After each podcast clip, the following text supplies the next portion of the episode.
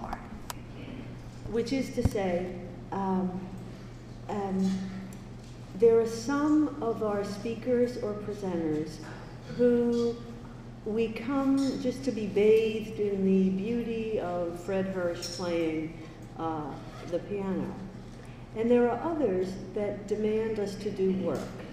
And I think tonight is a time to do work. And I'm not saying that Deb is a work hound, but that the questions that we're raising by virtue of Dr. Litzelman's presence with us are hard questions, productive questions, but questions that really require um, muscle to think through and then act on.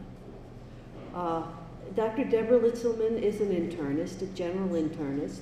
Um, she, um, she, she, trained, she, she trained first in psychology. She got a master's degree in psychology and understood through her initial study of, of psychology that she was interested in behavior and also where the behavior comes from.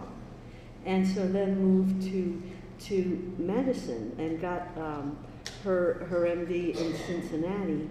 Um, but it was always saturated by the commitment to understand the behavior, the human intention, the motives, the ways in which we live, not just as physiological beings, but psychological ones. And so it was natural that she brought all of that into her practice as a general internist. Uh, Deb and I know one another through both of us being involved in a big NIH project over what will amount to 10 years um, to bring more emphasis on social science and behavioral science to medical schools.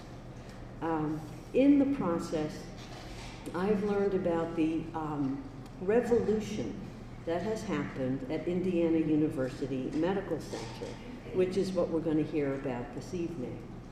Um, um, over the past decade, uh, the largest medical school, the only medical school in Indiana, and I believe the largest medical school in the country, Indiana University Medical School, um, embarked on a radical experiment in relationship centered care by which the relationships between doctor and patient, among students, between students and faculty, among faculty, between faculty and administration, among administration, all of these levels of a major institution, even, I guess, relationships with the state legislators who give you money, uh, that all of those became the basis for effective health care. And the conviction was without robust, mindful, examined, and worked upon relationships, the healthcare would fail. And uh, there have been astonishing culture changes within the whole institution by virtue of the work done by first a small group and then a wider group and a wider group. Uh, uh, Deb has, uh, so in, in the course of her own career, she has been uh, Associate Dean of Medical Education and Curricular Affairs at Indiana. Uh, she has recently achieved the uh, deanship of the research as well as the educational affairs. she has been um, nationally known and sought as a consultant for exactly these kinds of innovative creative, I'm going to use the word intimate projects in medical education that, that focus on uh, not only the work done, but the interior of the persons doing the work. So that we, we read Deb, we read Dr. Litzelman uh, in her published papers and, and reports, um, knowing that we will see there the dimension of interiority, of um, individual growth. Uh, we've invited her, she's been with us for two days, uh, teaching us all the way along um, about ways in which to recognize describe, enter, and then maybe even change one's own culture. Deb, please.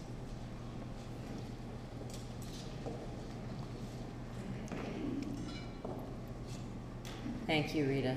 Thank you so much. It's absolutely a pleasure and a delight to be here. And um, I've had a great amount of fun and learned a lot in the last two days.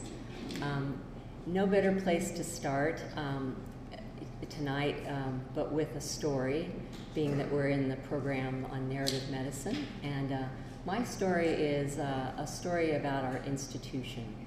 Um, not because it's a model uh, in any way um, as a model of excellence, but it's a, a model of a place that took on the struggles and challenges that we all face as medical schools and academic health centers to do things in a, a uh, more relational and to use Rita's words, a more intimate way um, to begin modeling the, the, way we would like our students and uh, healthcare providers to be with their patients um, and having that same relationship with everyone else in the in institution.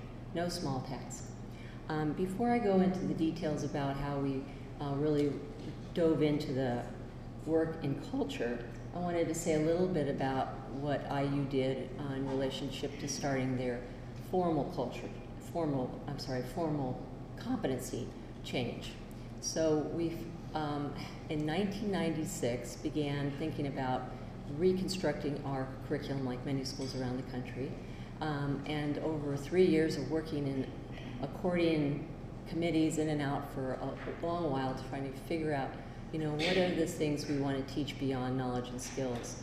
Um, we ended upon Brown University's nine competencies and modified that and adopted that for IU School of Medicine. So our competencies are listed here, um, modified some from Brown, as I mentioned. I've highlighted a couple of them that I think are particularly um, important ones that we have focused on a lot in our emphasis with everyone in the, everyone in the organization, including our students: self-awareness, self-care, and personal growth, professionalism, and role recognition. And, this, and the other seven you see there. Um, so how did we go about integrating our competencies into the curriculum? Um, no small task, as you, many of you in the room have been involved in curricular change. Some people say that it's like trying to uh, move a graveyard, um, and I think that's true. What we did is we tried to identify places within the curriculum where we had what we call willing partners.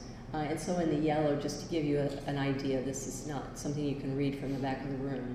Um, but we interdigitated um, much of the content we wanted to teach in our competency curriculum into existing courses, whether it was gross anatomy or pharmacology or uh, psychiatry in the, in the major clinical years.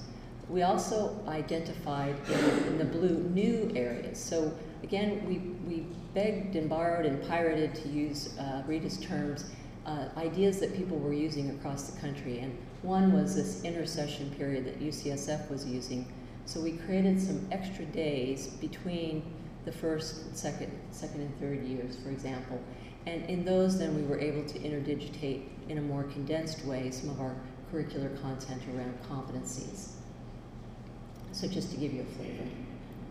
Um, so that brings us up to um, 2003. So we started the curriculum in 1999 after three years of self-study and evaluation and adoption and then identifying where we would insert these things and create new curriculum. And we said to ourselves, have we, you know, how are we doing? Have we really realized our goal? And I think that many of you, again, in education realize that uh, the literature says that changing a curriculum can maybe change about 10% of what you can accomplish. The other big chunks are faculty development. The other big chunks is the informal curriculum. So really the informal curriculum is the big challenge I think that we tried to tackle. And we said to ourselves, you know, really what is going to be reinforced and learned by our trainees is what they see, what's role modeled. Um, every day uh, in the care of the patients, what they're seeing their faculty and their residents doing on the inpatient service. Um, we also realized that despite changes in our best efforts, we didn't necessarily have very happy students. They um, were not providing us the, the best ratings on our double AMC graduation questionnaire. We had disgruntled faculty, all the pressures of, of the practice that many of you are facing and so forth. So we said, who, we really need to try something new. So fortunately, um, in 2003, uh, we began what we called our Relationship-Centered Care Initiative. Um, this was funded by the Fetzer Institute. It was um, fortuitous that two individuals came from the Fetzer Institute to join Indiana University, Tom Inui and Rich Frankel, who became my colleagues and partners in crime in figuring out how we would uh, take on this task of culture change. Um, this culture change was all around transforming the professional culture by fostering positive relationships in the effort to influence the professional identities of the students and faculty. So, um, you know, those are, are pretty big tasks. So how does one even begin to take on that? Um, this is a picture to kind of show what culture change research is really like. It's like trying to figure out how to be uh, attentive to water if you were a fish. Culture is everywhere around you, um, but it's really what you're swimming in. So how does one really raise the attention to that around you, those currents, those other striped fish that may be swimming in the same direction with you, the, the sharp coral that you are trying to avoid. How do you increase um, mindfulness uh, in everything you're doing, everything that's impacting that culture? So we had um, the opportunity to work with two external consultants who came from a variety of uh, backgrounds. Um, Tony Suchman was a physician, but who had done a lot of consulting work in uh, hospital uh, administration, uh, had written a book on relationship-centered uh, administration, and Penny Williamson, who was at Hopkins, who had done a lot of faculty development and also worked with Tony as a consultant. They came and spent uh, several days with us every month for three years as consultants. We also had Bud Baldwin, who was at the ACGME, to come as an external evaluator. This was part of the Fetzer funded initiative. They brought with them a, a wealth of information um, about how you take on such a large task. And these are three different areas here on the slide in terms of the theoretical underpinnings of our work. The first was formation work.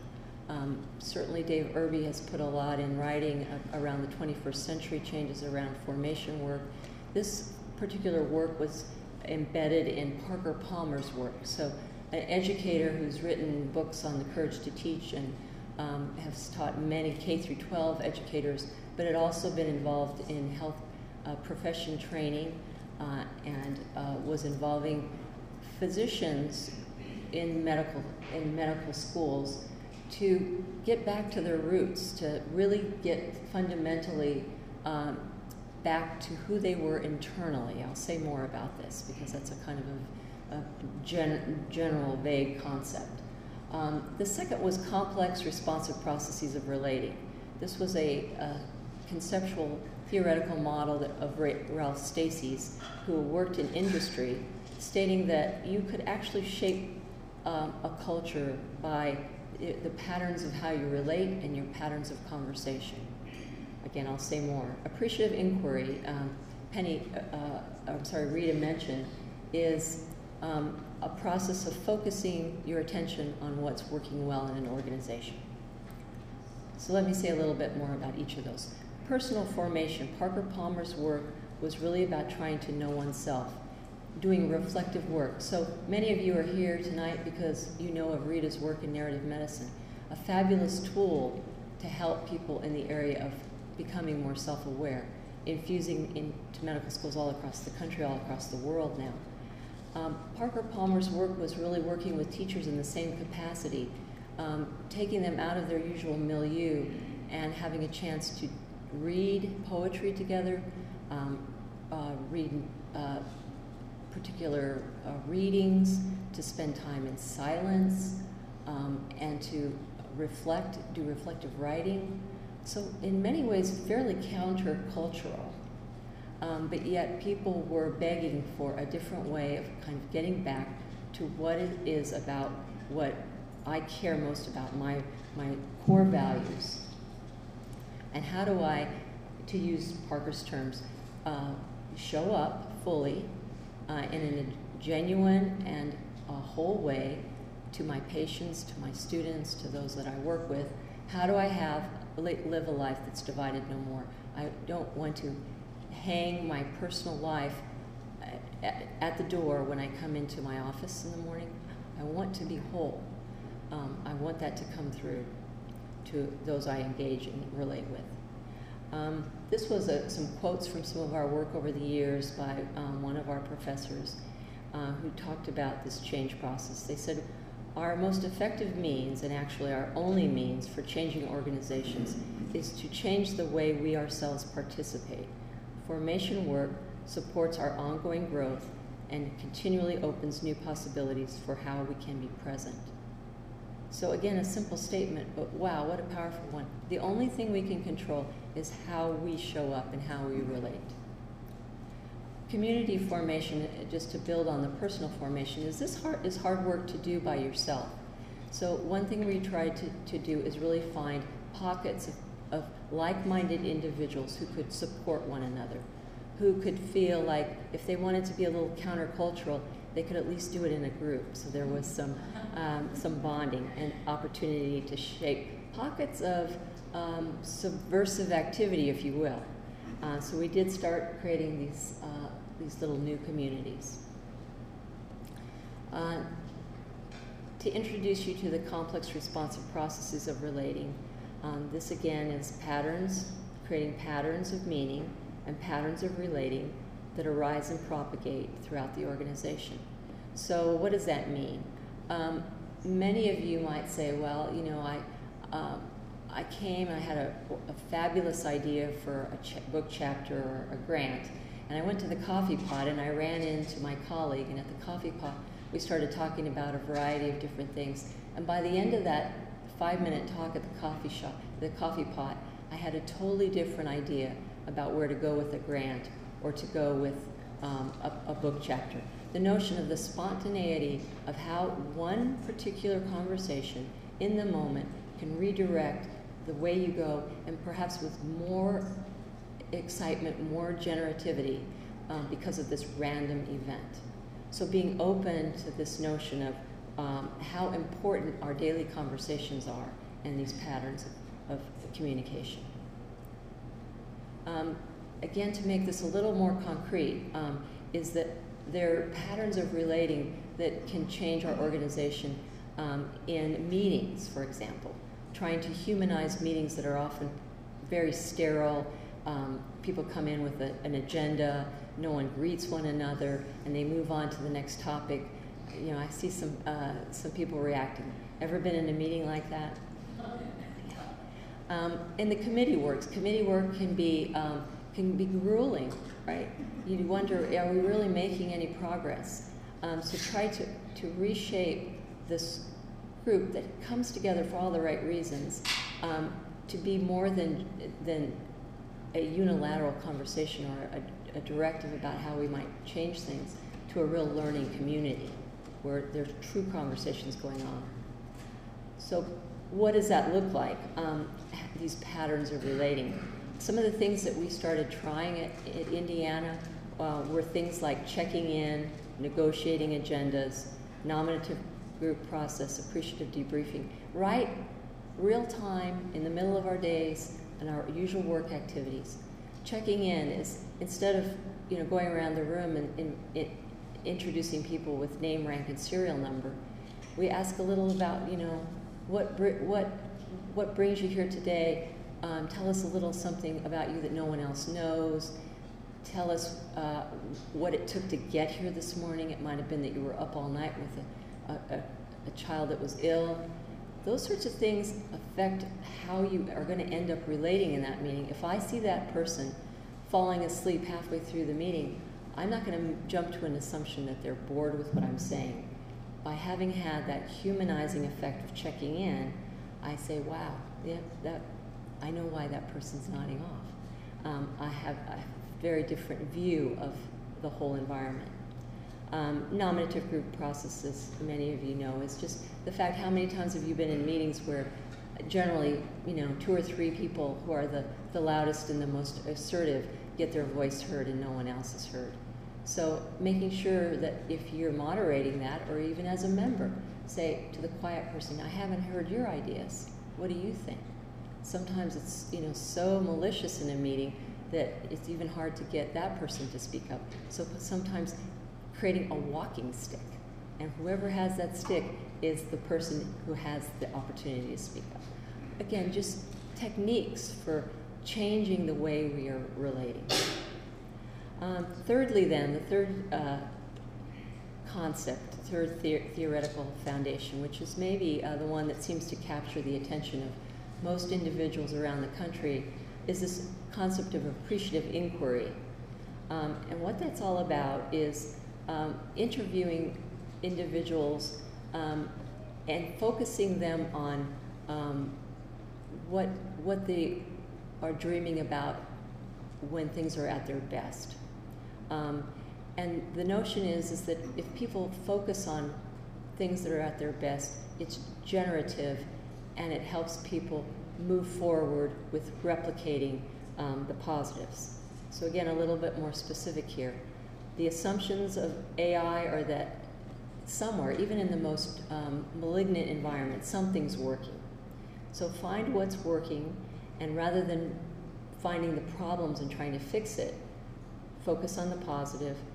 The systems will move toward what they choose to measure. You hear that all the time in performance measure theory. So if you're focusing on the positive and measuring the positive, you will move farther in that direction. And collectively, individuals fo focusing on the positive will give a collegial group of moving in that direction together, so you're not feeling alone. So how do we implement those kind of ethereal concepts? What we did is we found a group of faculty who we called our discovery team. It was maybe 15 faculty from uh, and staff from diverse areas within our organization and asked them to go out and do AI interviews, appreciative inquiry interviews. So they were armed with a, a set of questions about tell me a time when you were at your best, what was it about you, what was it about the other individuals, um, that may allow this to happen. We had another, as a phase two, our students picking this up who had been part of this say, we want to do that too. We, as the only medical school in Indiana, uh, have nine campuses, and so the students say, we want our students at all campuses to feel part of this process. Um, and so they began the process of appreciative inquiry. And these are some of the specific questions that I've, I've um, already alluded to. Uh, tell us a time when you're at your best. Don't worry about being modest. What was it about you, others? And, and the last one, um, and about the environment. So you're really having people focus on all of those parameters that go into change. Um, the individuals, the environment, um, etc. Um, and then one of the last questions in AI is often to dream the dream um, of if you fell asleep for 10 years and woke up, what would you like your institution to look, look like? So these were the interviews we collected on about 100 people or more across our organization as kind of phase one, rather countercultural. And we had our qualitative uh, researchers call these um, for themes, and we ended up with four themes that came from our stories, and they became our credo. Um, and these four themes believing in the capacity of all people to learn and grow, importance of connectedness, importance of passion, and wonderment of medicine. Very positive, very energizing, very hopeful themes coming out of our own faculty, our own students, in a place that in 2003 was rather demoralized. So, wow, what a nice opportunity to turn the conversation to one that's negative to one that's positive as a reflection of the stories from the, your own organization back to other individuals within the organization. So this uh, little uh, picture is um, to represent what we did with these stories. We um, use these as an opportunity to take stories from the AI interviews and start to create opportunities for more conversations. So we created what we called open forums, and we invited our dean and our chairpersons and uh, residents and anyone who wanted to come and started reading some of these stories. Those stories were then taken and propagated out, rippled out, and used in other ways. Our dean, who had come and heard one of the stories that had been written about a young medical student who had um, taken care of a patient at the VA hospital. The patient had died, um, but the family had been very supportive. Um, and the attending had contacted the family um, after the death of, of this particular patient and had had conversations around this particular um, story. The, the daughter, who had been in particularly engaged, said to the attending on the phone, Thank you for calling me. I'm, I'm not upset that you weren't there uh, at the time of my dad's death. But the family had really wondered why dad had, had lived so long, and now we know it was to make Chris, the medical student, a better doctor. Yeah, so talk about uh, generosity of spirit. Um, this uh, story, I think, reflects the notion of how you can see your organization at your best. Um, the doctor-doctor communication, doctor-patient communication, teacher-learner commu- communication. Um, and our chair took this story and read it when he was the uh, director of the Association of Program Directors in Medicine at one of their national meetings, and then someone else took the story and used it in one of their publications. Uh, we frequently take our stories and, and, embed them in some of our, our other literature. I've taken quotes from some of our students' stories and our AI stories and used them uh, to open up a grant to say we are different. We, we want to portray our organization in a way that really reflects what, when we are at our best, how can we get more of this? So that's uh, what our story within a story is. And this uh, quote from our dean, who had been one of the folks who propagated the story, and this is, you know, uh, Indiana University, a research intensive organization. Our dean is always talking about how are we going to move up on the, the ranking list for uh, a research intensive organization. I don't want to be number 10, I want to be number 5. But it's the same person who wrote many of the stories we've collected are in a file on my computer. I often open the file and read a few stories. Doing so always relaxes me. With some, I shed a tear, owing to the pure emotion of what represents the very best of medicine. So now, not only are we humanizing our meetings, we also have this new sense of our dean as another humanized person who sheds tears. Um, another glimpse of what I'm not sure any of us in the organization would have known without this process going on. Um, this is just a, a, something, again, you can't read from the back, but uh, another way of gathering stories from our organization um, was asking our students to uh, fill out uh, an electronic blog, which was our professionalism journal, um, that was part of an ABIM funded project um, where we had the students uh, tick little boxes of some of the, the important aspects of professionalism according to the charter. But the real crux of this slide is that these students were asked to actually write about things that were critical incidents that they saw in their clinical years. So this again was what they were seeing modeled for them. Some of these stories were very positive, and some of them were not so positive. We actually use these stories to loop into the, the formal curriculum and use them for our professionalism seminars, not only on the medicine clerkship, but eventually on the surgery clerkship. So it kind of propagated within our, our system.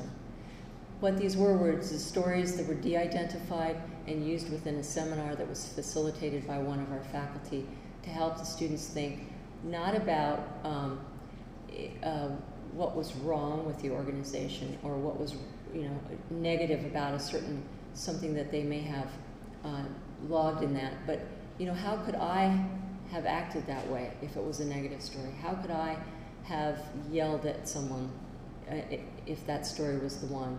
It could have been because that resident was really tired.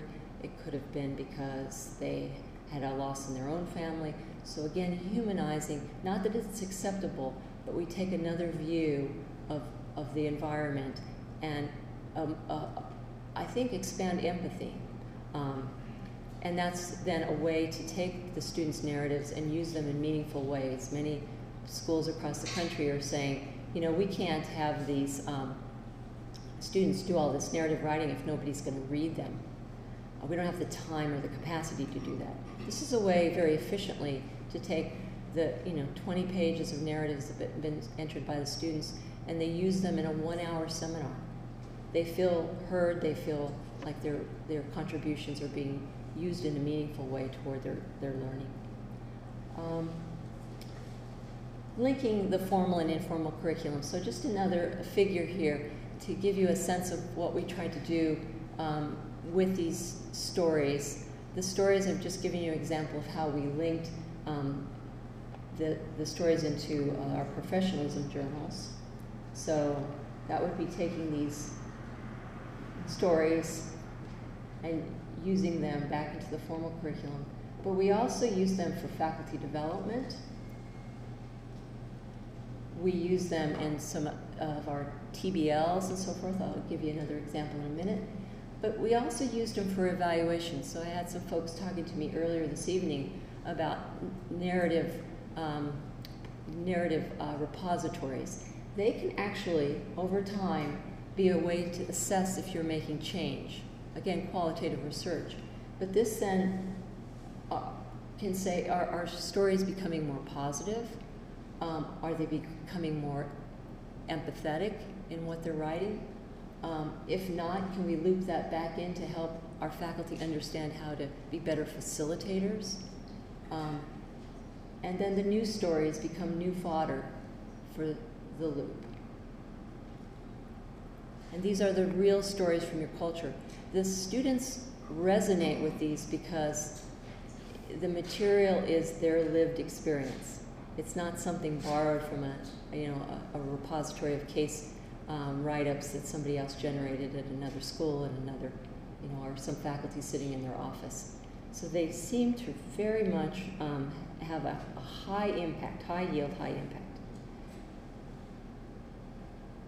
I won't go into that, but that's another way with our TBLs that we, we incorporated real stories, a negative one in this case, um, about a, a, pain. And we used this actually for our K07, um, which Rita mentioned was our NIH Behavioral and Social Science grant to try to teach content um, that was right from the organization. So, some of you may be thinking, okay, well, this is fine and good, you know, just uh, uh, ethereal stuff make a difference? Can you really measure anything? Can you really make a difference? And I've had Rita ask me that, you know, over and over about how are you, how are you doing this? How are you knowing? How are you um, seeing if you are doing anything with this work? Well, it, it's, yeah, it's a complex work, right? This isn't um, a, a, randomized control trial.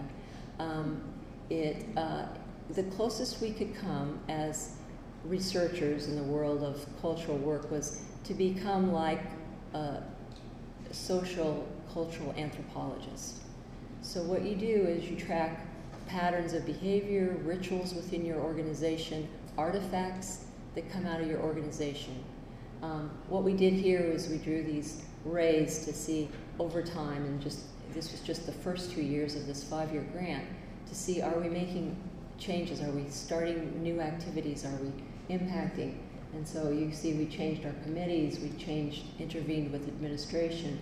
We had retreats of courage to lead um, based on Parker Palmer's work with our faculty. We had 20 people go through each year, including our dean and some of the other more senior faculty. Um, our discovery team, uh, you heard, was at it, at work, hard at work. Um, and our students really took to this. So I'll say a little bit more about things.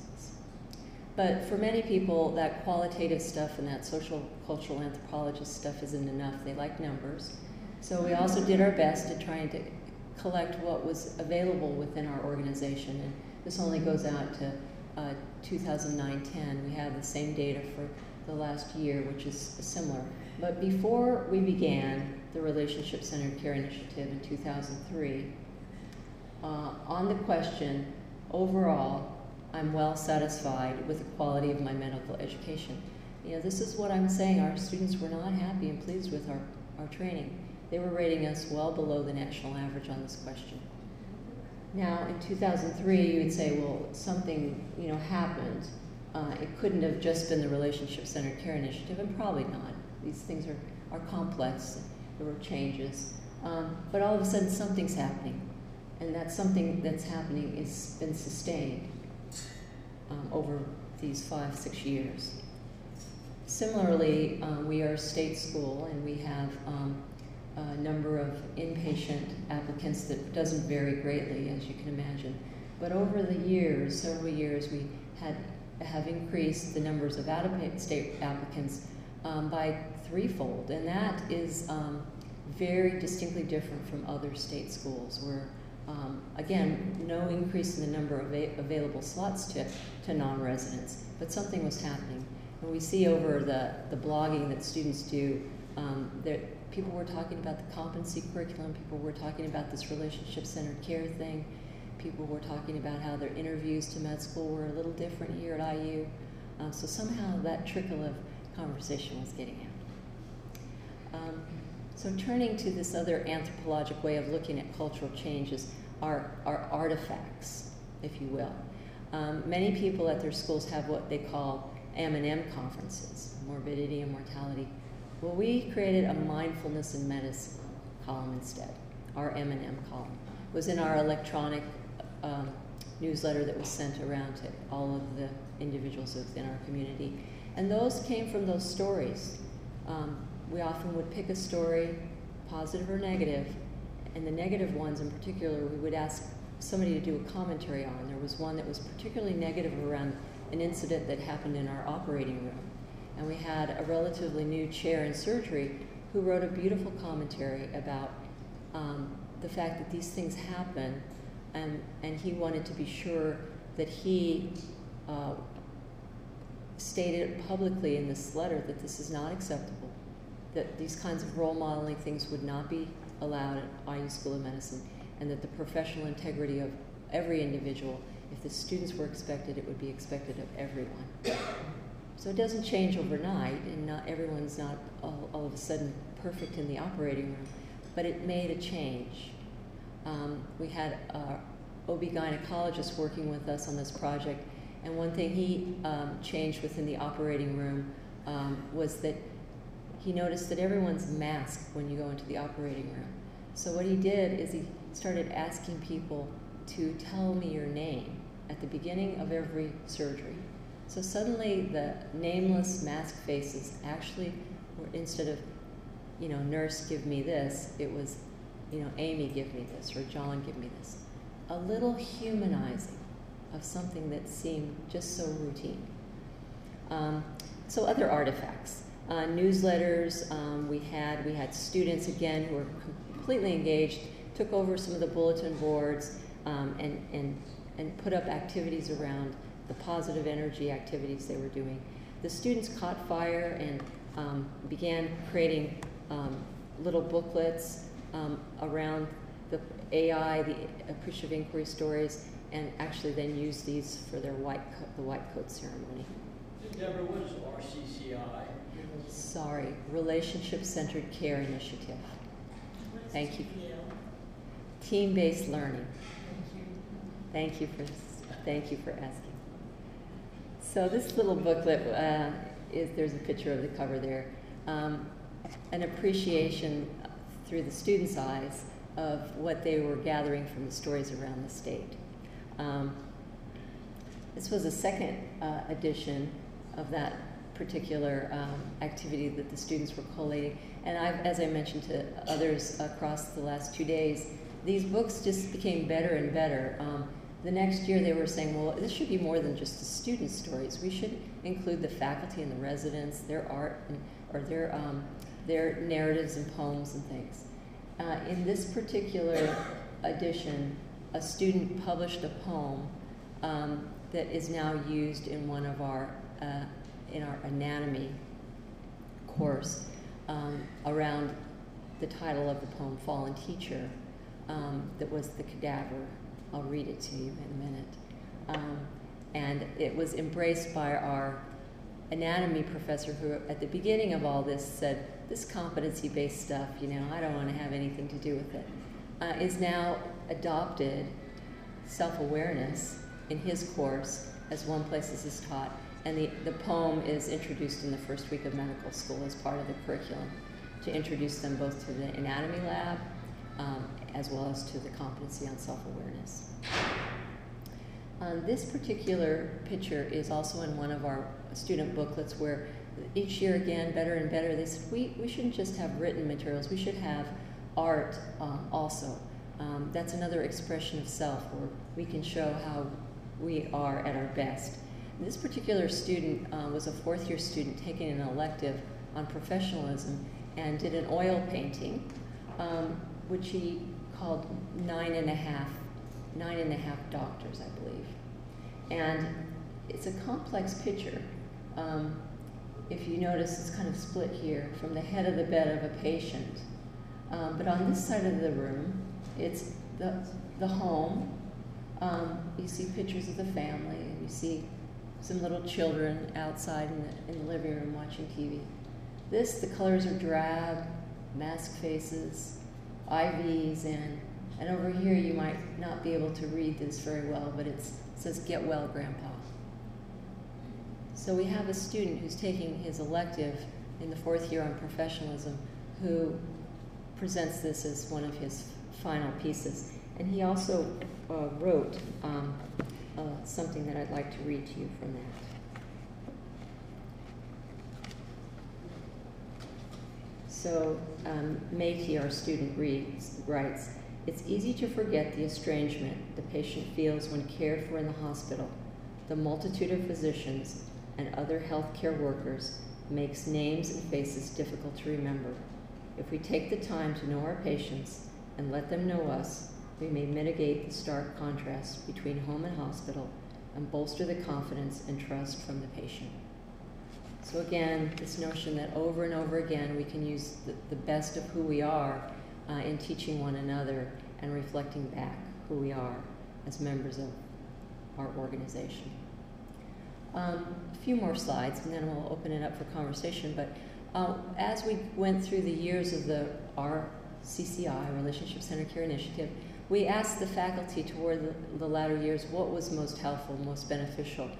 And uh, of all the kind of faculty development activities and things we had uh, offered up through this period of time. And they clearly said courage to lead. These were the retreats from Parker Palmer where they had time to take a day and a half out uh, quarter seasonally rather for a year same 20 people getting together reading poetry uh, reading literature writing taking time in nature something i was very nervous about doing initially um, and they clearly hands down said this was the most beneficial activity for them to get in touch with changing from the inside out um, one of the quotes from one of the individuals was RCCI does not necessarily teach me new behaviors or ways of relating so much as it frees me to be my best self. The other thing was community formation. Some uh, individuals asked me earlier whether we ended up doing this just at the uh, healthcare center or whether we went into the, um, some of our community sites.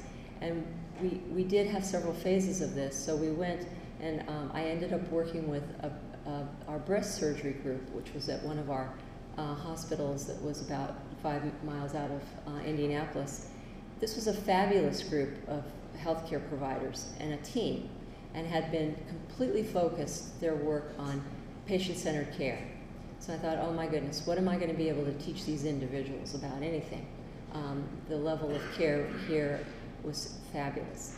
Um, but what I realized is they had been so focused on the, the patient that they had not in any way focused on relationship centered care. They had not really come to know each other and what each other did in the provision of care. So this teamwork concept that's you know everywhere we turn, we're talking about teamwork, team building.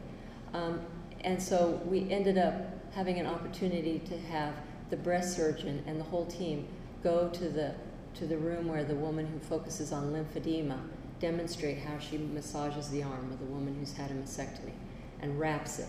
We had the team go to the prosthetic department and have the person there talk about how she worked with someone who'd had a mastectomy and is being fitted for her first bathing suit and making sure the husband was there and talking about how beautiful she looked.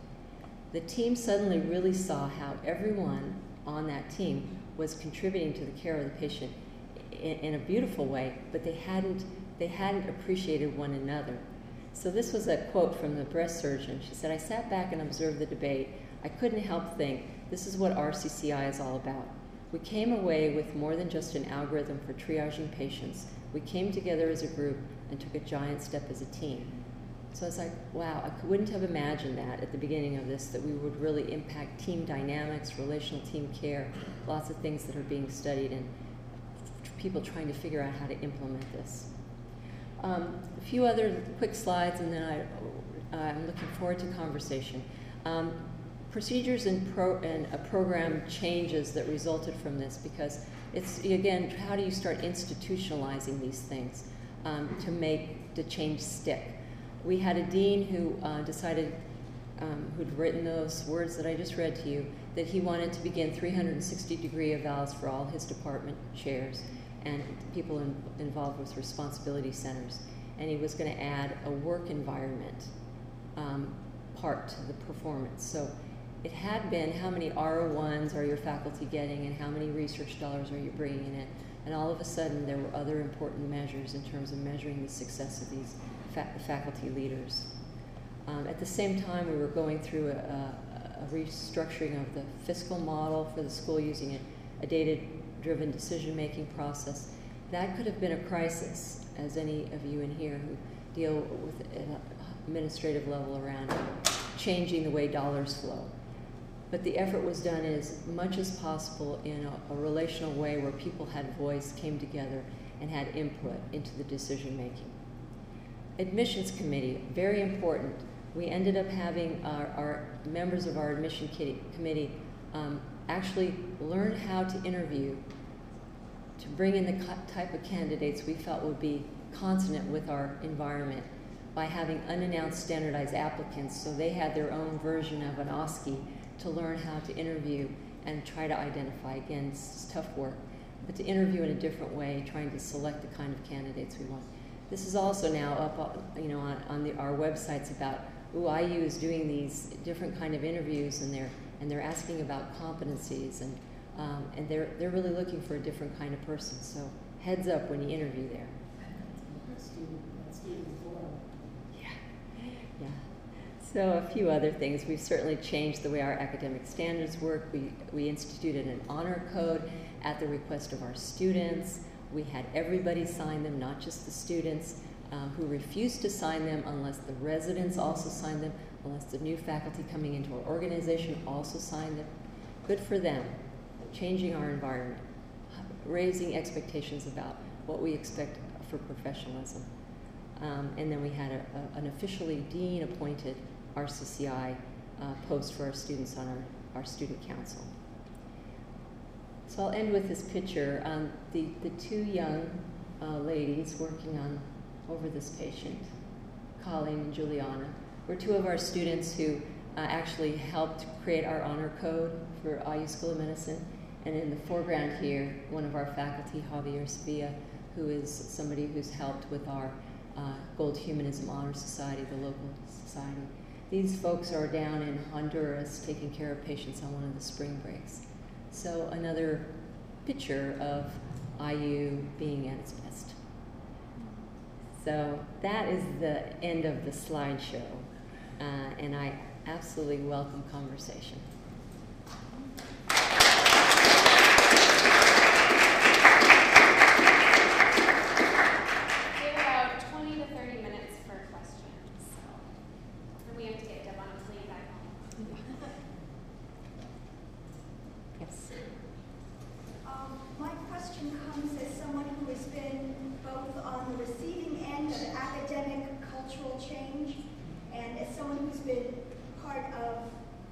imposed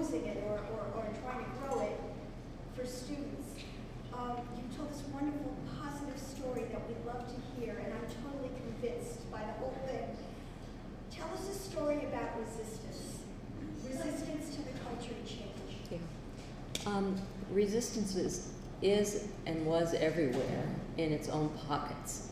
Um, and as I've mentioned to others over the last couple of days visiting here, is that we, we worked from a ground up model of finding willing partners, of finding pockets of energy and positive energy.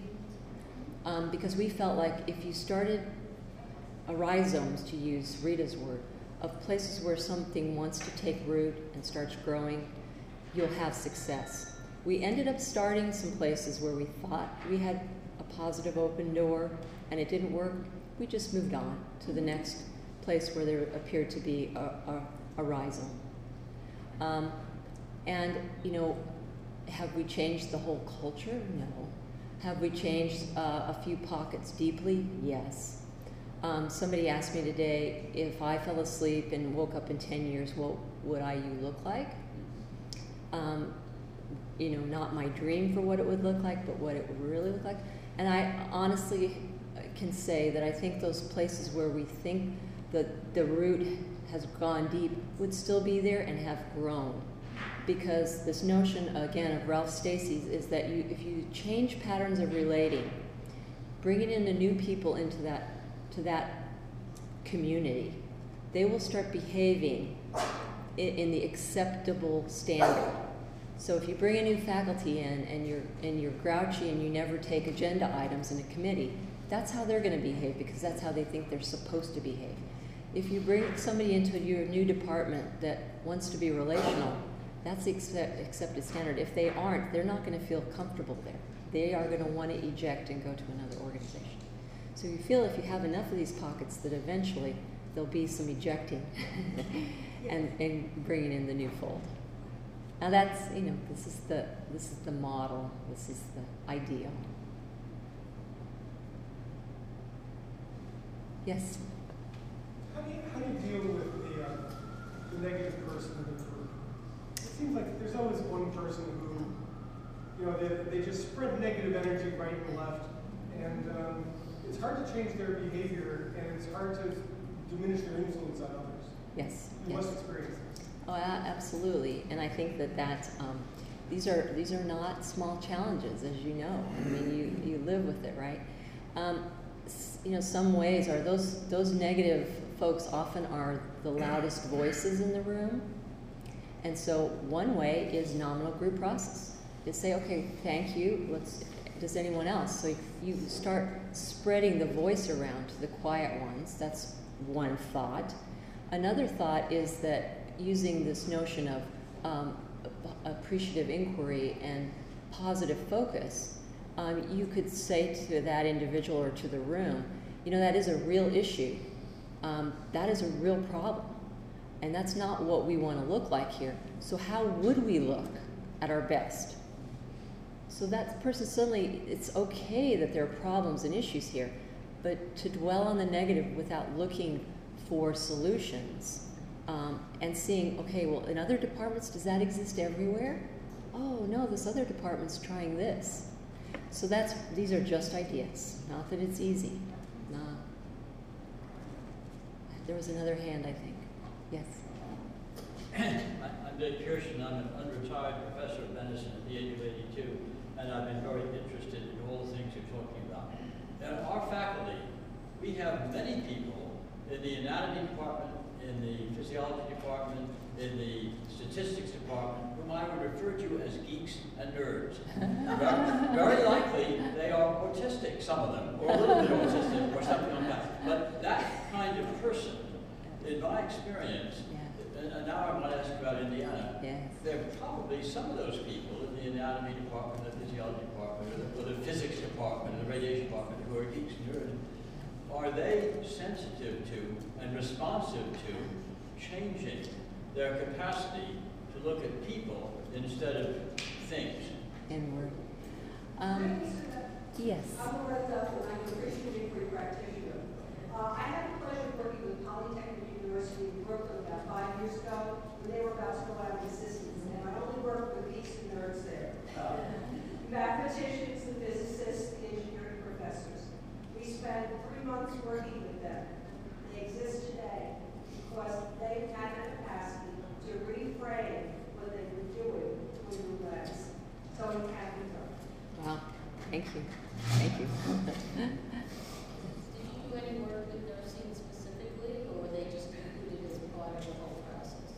Um, uh, Or we- interprofessional teams, I guess that's ongoing now. Yes, we, we, um, the first group in our discovery team, uh, uh, had a variety of health professionals, so they, uh, no one was excluded. We didn't, um, move into this as a interprofessional activity. It was certainly an organizational change.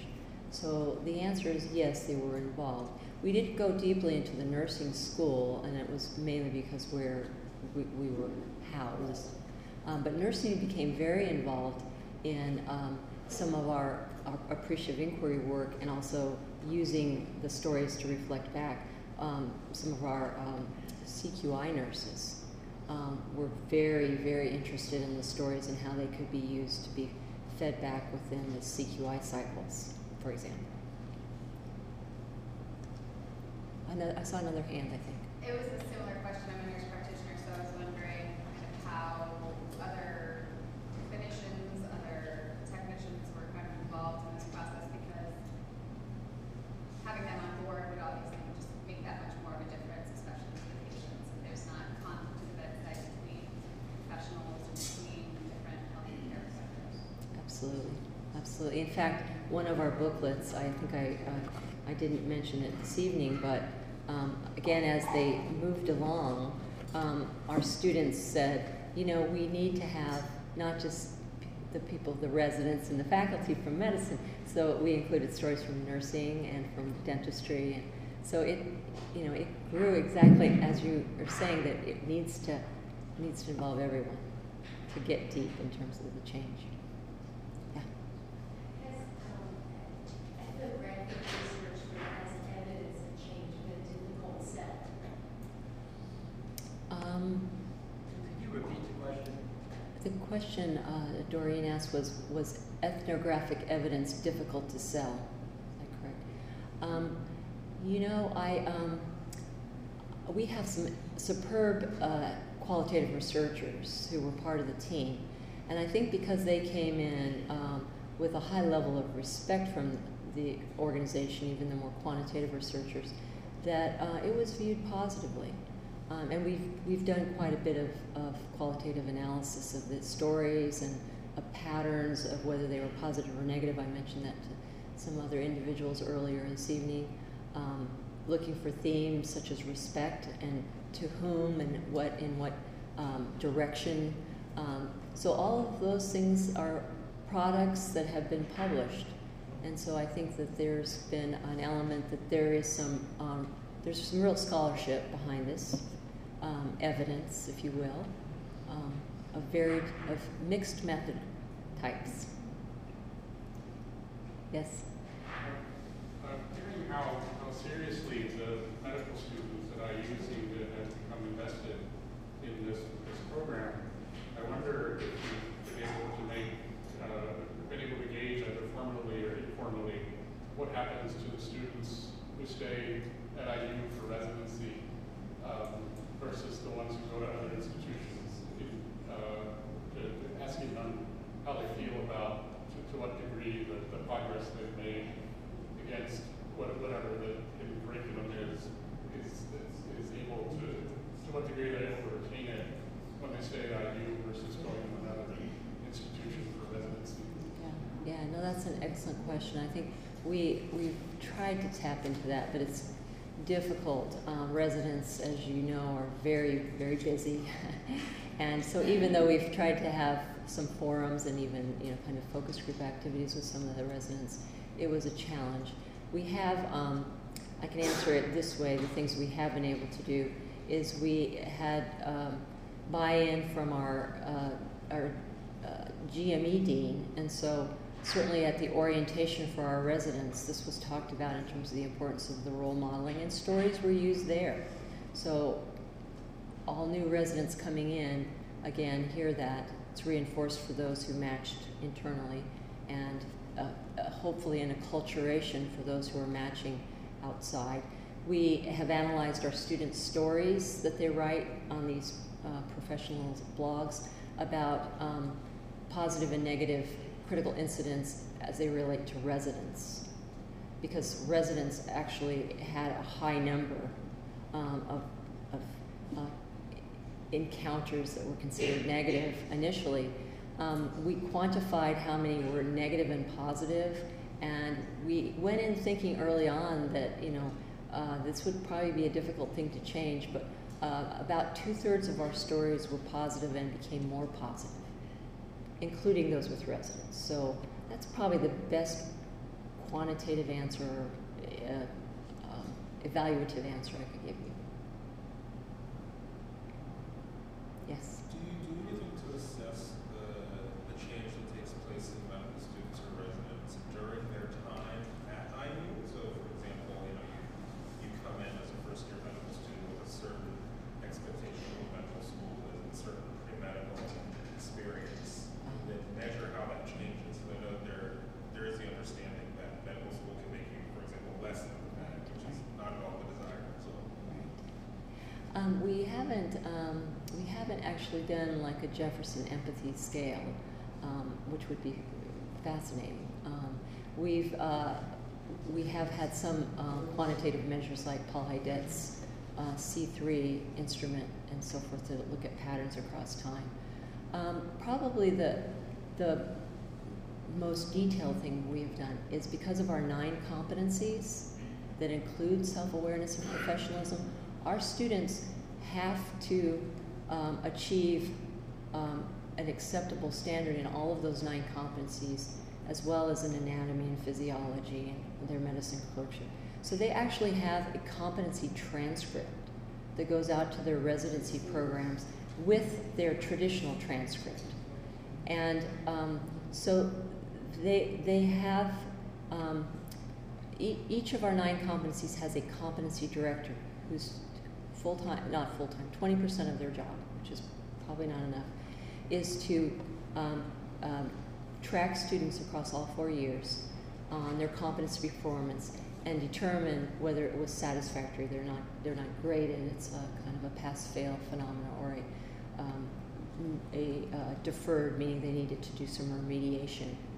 But to me, that's an important statement to our students about how important this is, and in, including the relationality and the becoming self-aware and becoming professional that it's it's as important as your anatomy course. It's as important as your medicine and surgery clerkship yes uh, i have a question in front i guess Do you first you know, going towards this whole milestone area with these, with the competencies you have? um, if you are you referring to the epas the entrustable professional activities i think those are fascinating and I think that uh, we would love to do that. Um, uh, and I think in reality, that is truly what we want to assess in our individuals. Entrustable professional activities um, is a relatively new term that's kind of an uber competency. So, in order for me to entrust my learner to leave medical school and become a resident that will be appropriate to do internship level work. I'm entrusting their professional activity for that four years to become an intern. So that gives you a sense. This is a, a, a big concept idea. Um, so knowledge, skills, attitudes, professionalism, identity. All of those things add up. It's an uber competency to say, yes, I entrust them to that. I entrust them to go do a central line by themselves. I trust them to go talk to a family who's just had a family member die. Those are all high level, complex activities, but many of us in the room who deal with trainees at different levels have a sense of when somebody is really ready. When can I entrust them if I've worked with them enough? So I would love for us to be able to get there. I would love for the medical education world to get there. Um, but that's not an easy one. Yeah. Yes? I was wondering whether noticed any um, subgroup differences in either the nature of the narratives, reflective narratives, or in responsiveness just in general to the RCCI, RCCI by um, gender, socioeconomic status, or ethnicity of students or faculty? Uh, that's a great question. Um, we have looked at uh, gender, um, and there was no difference with um, students and residents. Um, we have not looked at ethnicity. Um, we, um, in a, um, in more in a cultural anthropologic look at uh, receptivity to change, I think we went in with our own biases about which departments might be more amenable, and and we were challenged. Our assumptions were challenged. So, um, you know, laying my own biases on the table here, we thought we could work with the family medicine department initially, and we began in that direction. That was one of our failed starts. Didn't work.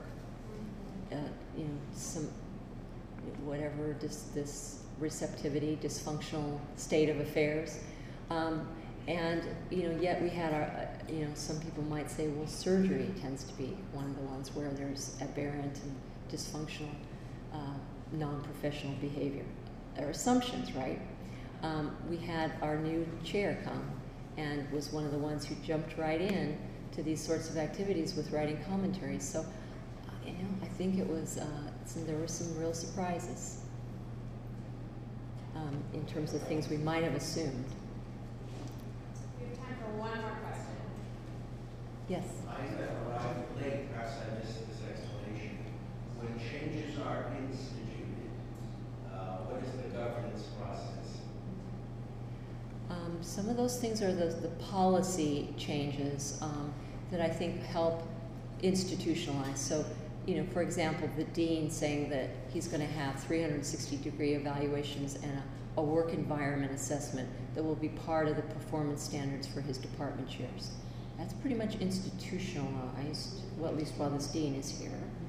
Um, uh, as one example, we, um, we've created curricular changes like a peer and self-assessment program um, because we want our students to be prepared for when they become residents and faculty at IU anyway, that they will be getting 360 degree evals. So that became institutionalized. We had a lot of conversation over the last two days about um, peer assessment and the value and concerns around that. Um, those are a couple of examples. Does that answer your Generally top down rather than uh, gathering input from the students and the faculty? This top down from the administration? Uh, it's been both, and I think that's a real important question. I think that um, the whole nature of relational work is um, that normally top down doesn't work really very well, or it's not sustainable. So I think, but there's there are people in positions of influence that can help institutionalize um, policies that were collectively agreed upon. And I think that to me is the ideal. You know, we've, we've tried to do a variety of things. I think this was really a top-down, bottom-up activity. We couldn't have done it without our grassroots discovery team members and those students.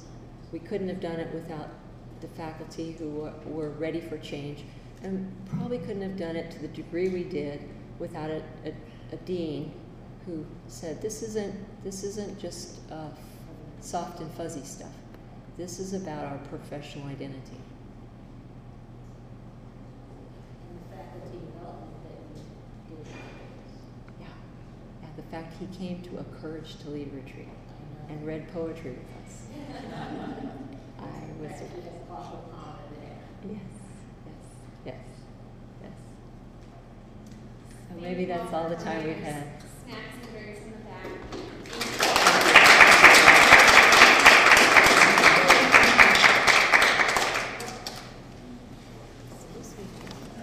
I'm a learning specialist in private practice and I run a listserv and some of the same goals that you have in this, you know, things that I'm kind of reflecting on your practice through writing, which I was introduced to here.